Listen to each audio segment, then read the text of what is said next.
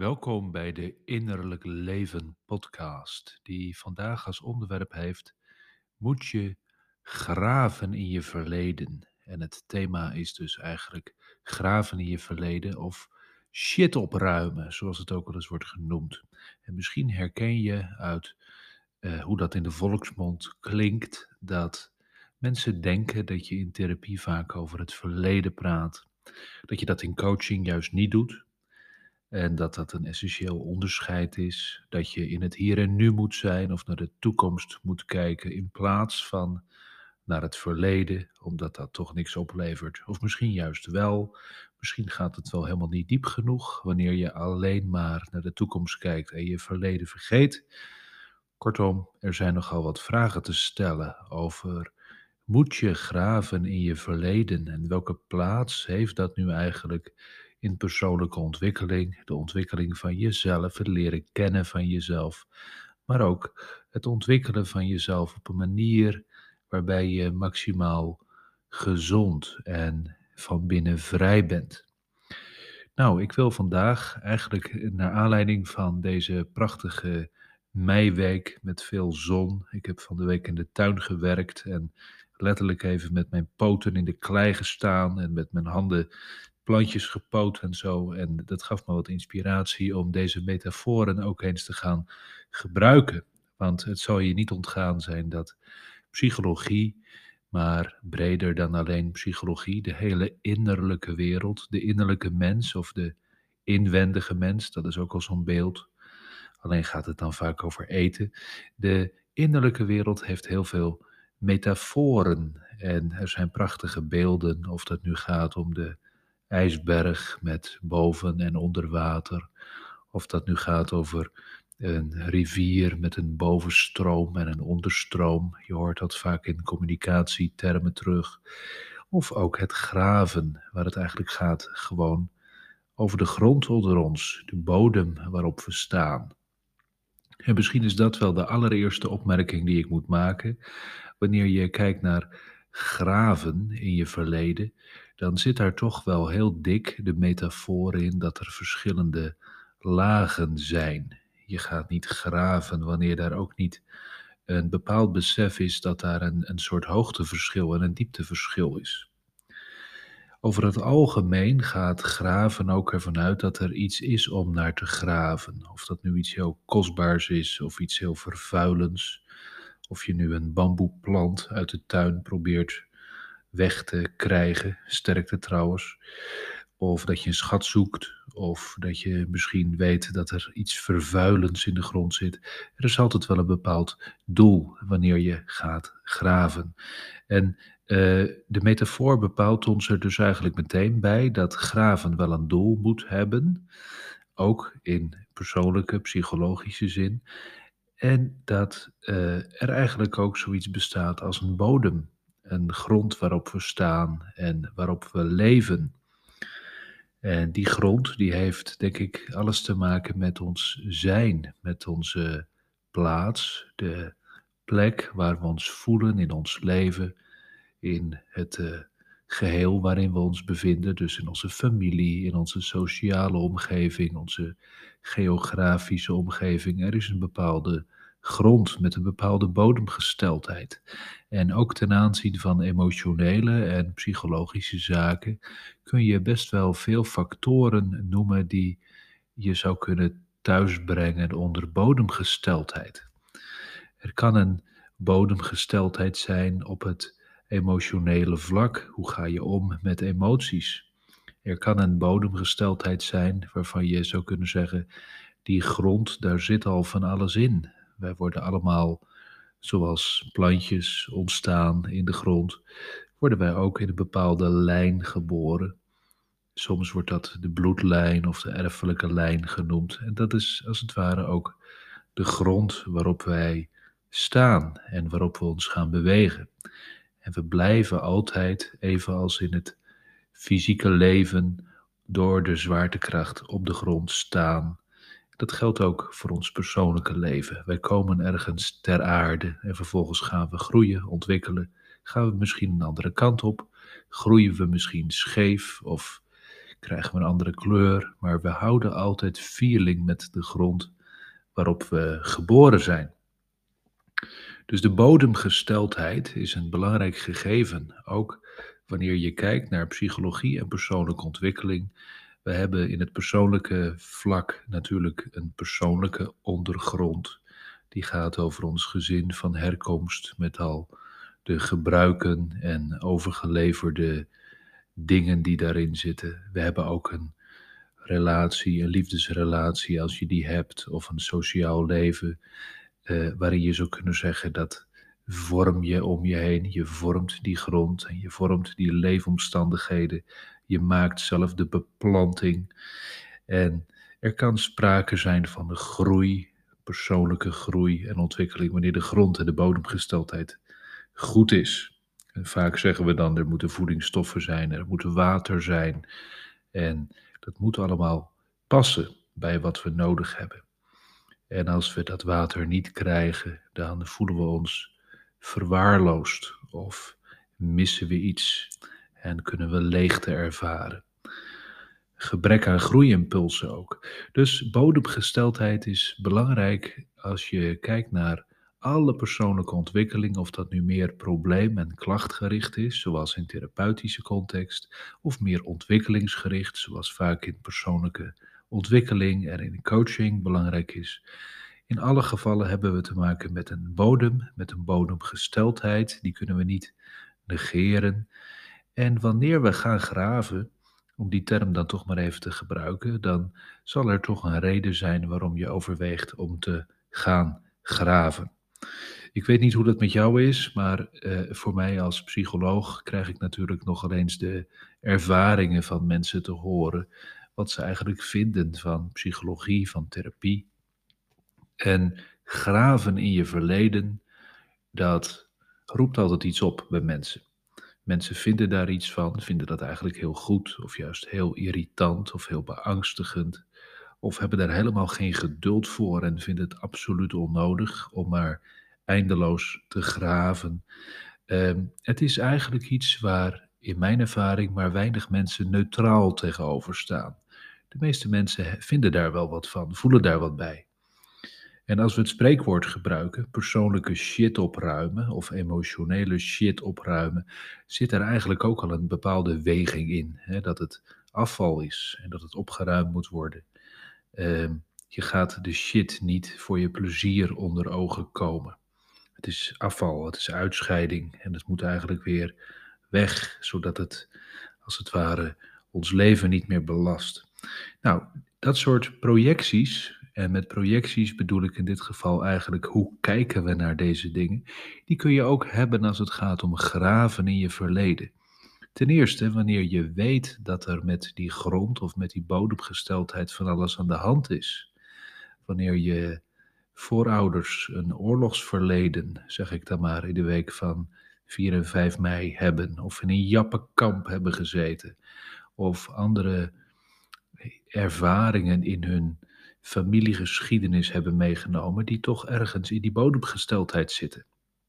Kan dat heel kleurend zijn in hoe je eigenlijk kijkt naar het graven in je verleden. Wanneer daar zoveel trauma of lijden is, uh, kan het eigenlijk juist wel een neiging zijn om alles behalve te graven. Er zijn ook mensen die missen een stukje van hun familieverhaal en die willen juist weten waar komt dit allemaal vandaan, waarom groeit het hier zo scheef. Die hebben misschien juist wel de neiging om te graven. En als het gaat om de wat meer oplossingsgerichte, ontwikkelingsgerichte, positief psychologische beweging die er in ons werkveld ook is en die over het algemeen in de zakelijke omgeving wat meer geliefd is. Wanneer je met die blik kijkt naar graven, zou je kunnen zeggen, dat is toch alleen maar ballast. Dat vertraagt de boel. Waarom zou je graven naar pijnlijke, vervuilende, negatieve dingen, wanneer je ook gewoon door kunt. En als je eenmaal begint met graven, wat levert dat dan op? Wanneer is het klaar?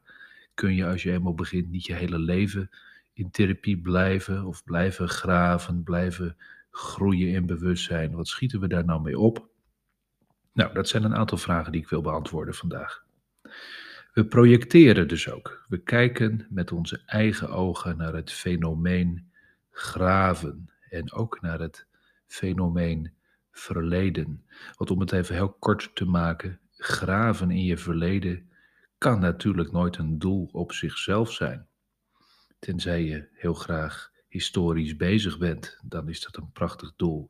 Maar als het om therapeutische toepassing, om ontwikkelingstoepassingen gaat, wat is het nut van leven in je verleden of je voortdurend oriënteren op je verleden, wanneer je leven zich eigenlijk, om het zo te zeggen, afspeelt in het hier en in het nu, een term die we vaak in meditatiekringen horen.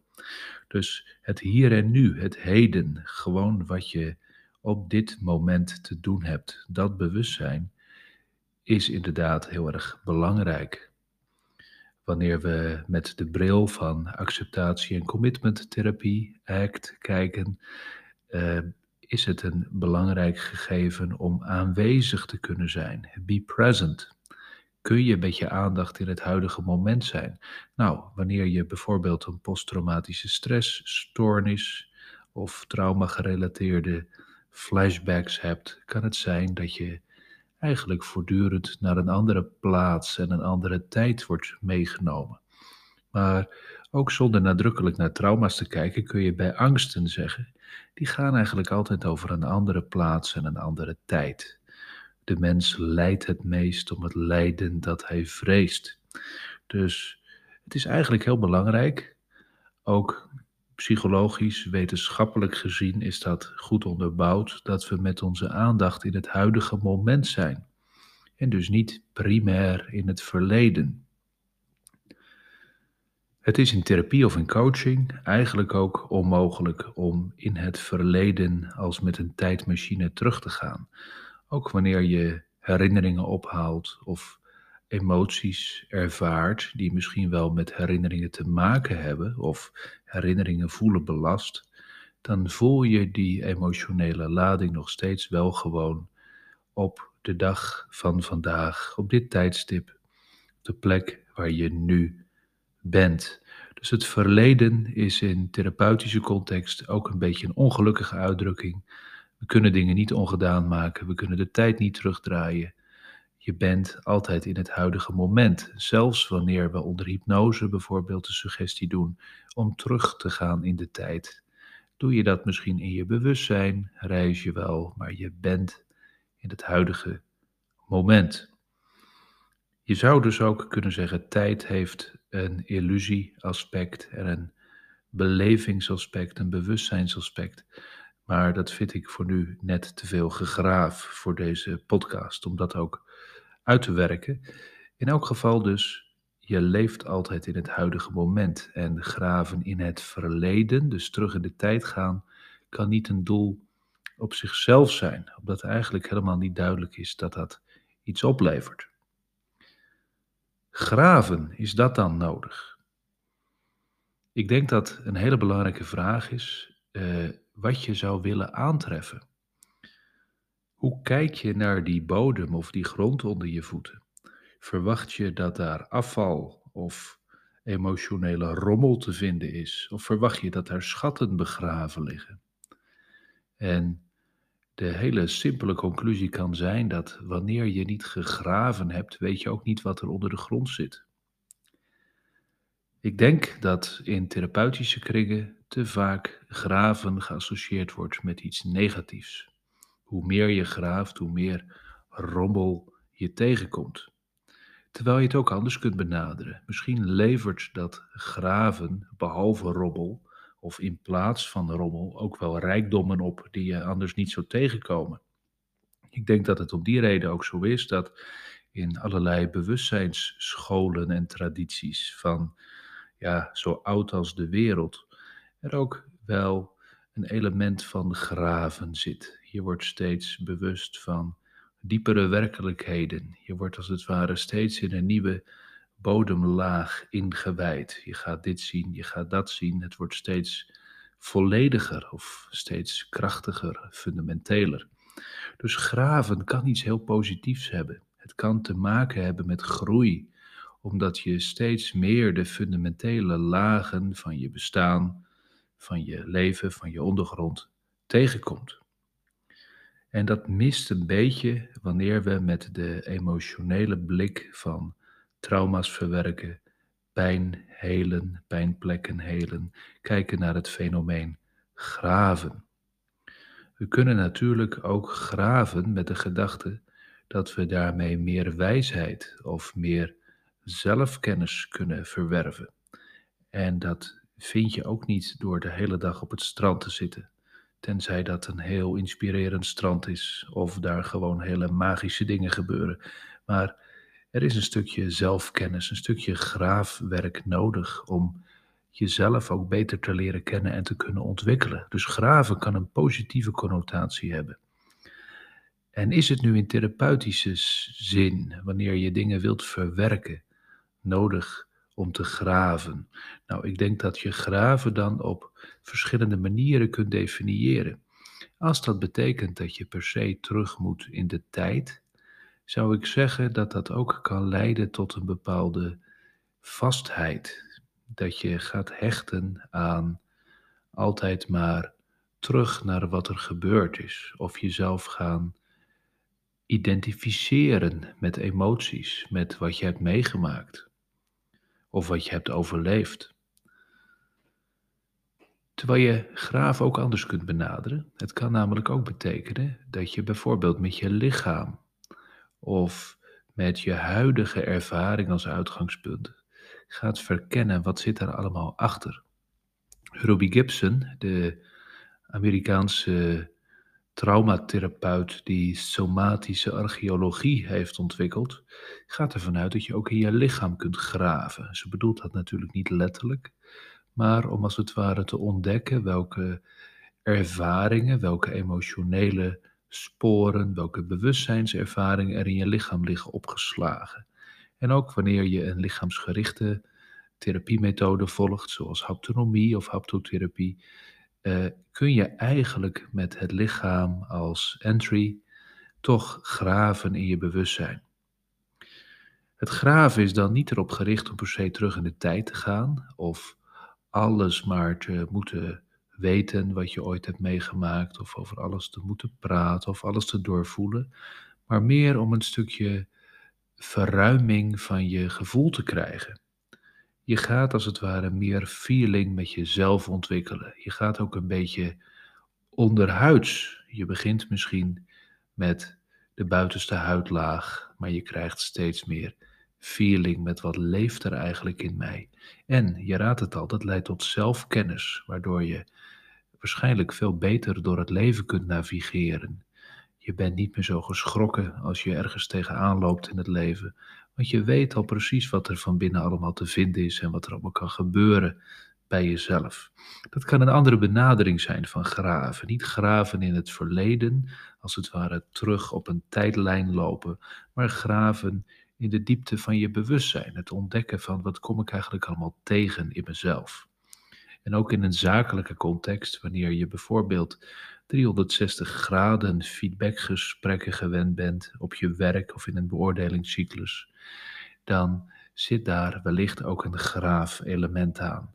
Want die ander die kijkt naar jou, die heeft feedback op jou en die ziet misschien wel dingen die je zelf niet zo duidelijk ziet. Dus het fenomeen graven en bezig zijn met waar we van gemaakt zijn, op welke grond we staan, uh, kan verschillende betekenissen hebben. En graven levert altijd iets op van meer bij het fundamentele komen. En of dat fundamentele nu gaat over de shit, plat gezegd, over de traumasporen, over onverwerkte emoties, of juist over schatten die je daar vindt, dat is een geweldige vraag om te stellen. Hoe kijk je daar eigenlijk naar? En hoe je daarnaar kijkt, zegt misschien wel alles over hoe jij je verhoudt tot je eigen bestaansbodem, tot de grond of de soil waarop je staat. Want kun je mij eigenlijk wel ervan overtuigen dat wanneer je heel veel hebt meegemaakt in je leven en je draagt dat als het ware wel ergens in die bestaansbodem bij je, dat daar ook niet een schat-element of een bepaalde rijkdom in kan gaan zitten. Het is mijn ervaring dat hoe je kijkt naar graven en naar verdieping altijd iets projectiefs heeft. Je kunt van mij misschien zeggen, je bent psycholoog, dus logisch dat je iets met graven hebt, anders ga je dat werk niet doen. Ja, maar waarom ben ik dan psycholoog geworden? Dat zegt ook iets over mijn innerlijke gerichtheid. Anders was ik wel accountant geworden of, of nou, verzin wat anders. De beroepskeuzetest zei dat ik advocaat moest worden bijvoorbeeld, want dan zou ik de hele dag kunnen praten en dat verbalen, dat zou wel goed voor mij zijn. Gelukkig niet naar geluisterd. Wat betreft dat graven, dat heeft dus iets projectiefs. Ieder mens kijkt naar de grond zoals hij naar de grond kijkt. Ieder mens kijkt naar graven zoals hij ook zich verhoudt tot de diepere laag in zijn leven, onder zijn leven of haar leven natuurlijk. En ik zou je mee willen geven vandaag in deze aflevering, hoe verhoud je je eigenlijk tot de grond waarop je staat? Vermoedelijk is dat namelijk ook een hele bepalende factor in of je ervoor voelt om te graven. En niemand kan je verplichten om te graven. Wanneer je vindt dat de plantjes goed staan en de tegels recht liggen, of wat er dan ook in je tuin te vinden is, dan kun je dat rustig laten zoals het is, totdat het gaat verzakken of er iets mee aan de hand is. Het kan ook zijn dat je deze aflevering luistert en het eigenlijk wel triggerend vindt. Moet ik dieper gaan met mezelf? Moet ik dieper graven? Of ben ik er misschien wel bang voor? Nou, ik denk dat iedereen een bepaalde feeling heeft bij het idee van graven. Wat zit er onder de grond? Nogmaals, je weet het pas wanneer je gaat graven, maar je kunt daar wel een bepaalde anticipatie bij hebben. Misschien geeft het je op voorhand nieuwsgierigheid of een bepaalde angst of misschien wel beschermende neigingen om te denken: hier moet ik eigenlijk juist niet aan beginnen, hier kan ik alleen maar slechter van worden. Wees jezelf bewust van hoe je hier naar kijkt. En dan zou de vraag voor vandaag zijn: hoe weet je dat eigenlijk? En als ik dat vraag, bedoel ik niet dat je jezelf moet gaan uitdagen om anders te denken, daar anders naar te kijken. Ik wil je niet overhalen om te gaan graven. Ik zou eerder zeggen: doe dat op het moment dat je echt voelt dat dat is wat er moet gebeuren. Dan weet je namelijk ook dat het een goed moment is om dat te gaan doen. En volg gewoon het moment daarin. Dat maakt ook dat je in het hier en nu bent en goed afgestemd bent op jezelf. Goed in contact bent met jezelf. Maar het zou voor vandaag, denk ik, wel een goede denkopdracht zijn. Om eens stil te staan bij hoe verhoud jij je tot de grond waarop je staat en de voedingsbodem, de bodemgesteldheid waarmee je te maken hebt. Het is natuurlijk maar een metafoor, maar zoals bijna alles in de psychologie gaat het om hele natuurlijke dingen die niet alleen in ons brein en in ons denken te vinden zijn, maar heel veel processen kom je ook gewoon in de natuurlijke wijde wereld om ons heen tegen. En groei is bijvoorbeeld het meest plat gebruikte woord in persoonlijke ontwikkeling. Toch is groei ook het meest natuurlijke wat er in onze wereld te vinden is. Of het nu gaat om planten of om dieren of om mensen. Groei is eigenlijk helemaal niet zo ingewikkeld, want bijna alles wat leeft groeit, of eigenlijk alles wat leeft groeit. Dus denk er eens over na. Hoe verhoud je je daartoe? En durf jezelf die vraag, of dat wel waar is, te stellen uit nieuwsgierigheid. Waarom kijk ik met deze bril naar mijn bodem, naar mijn bodemgesteldheid en naar het hele idee van graven?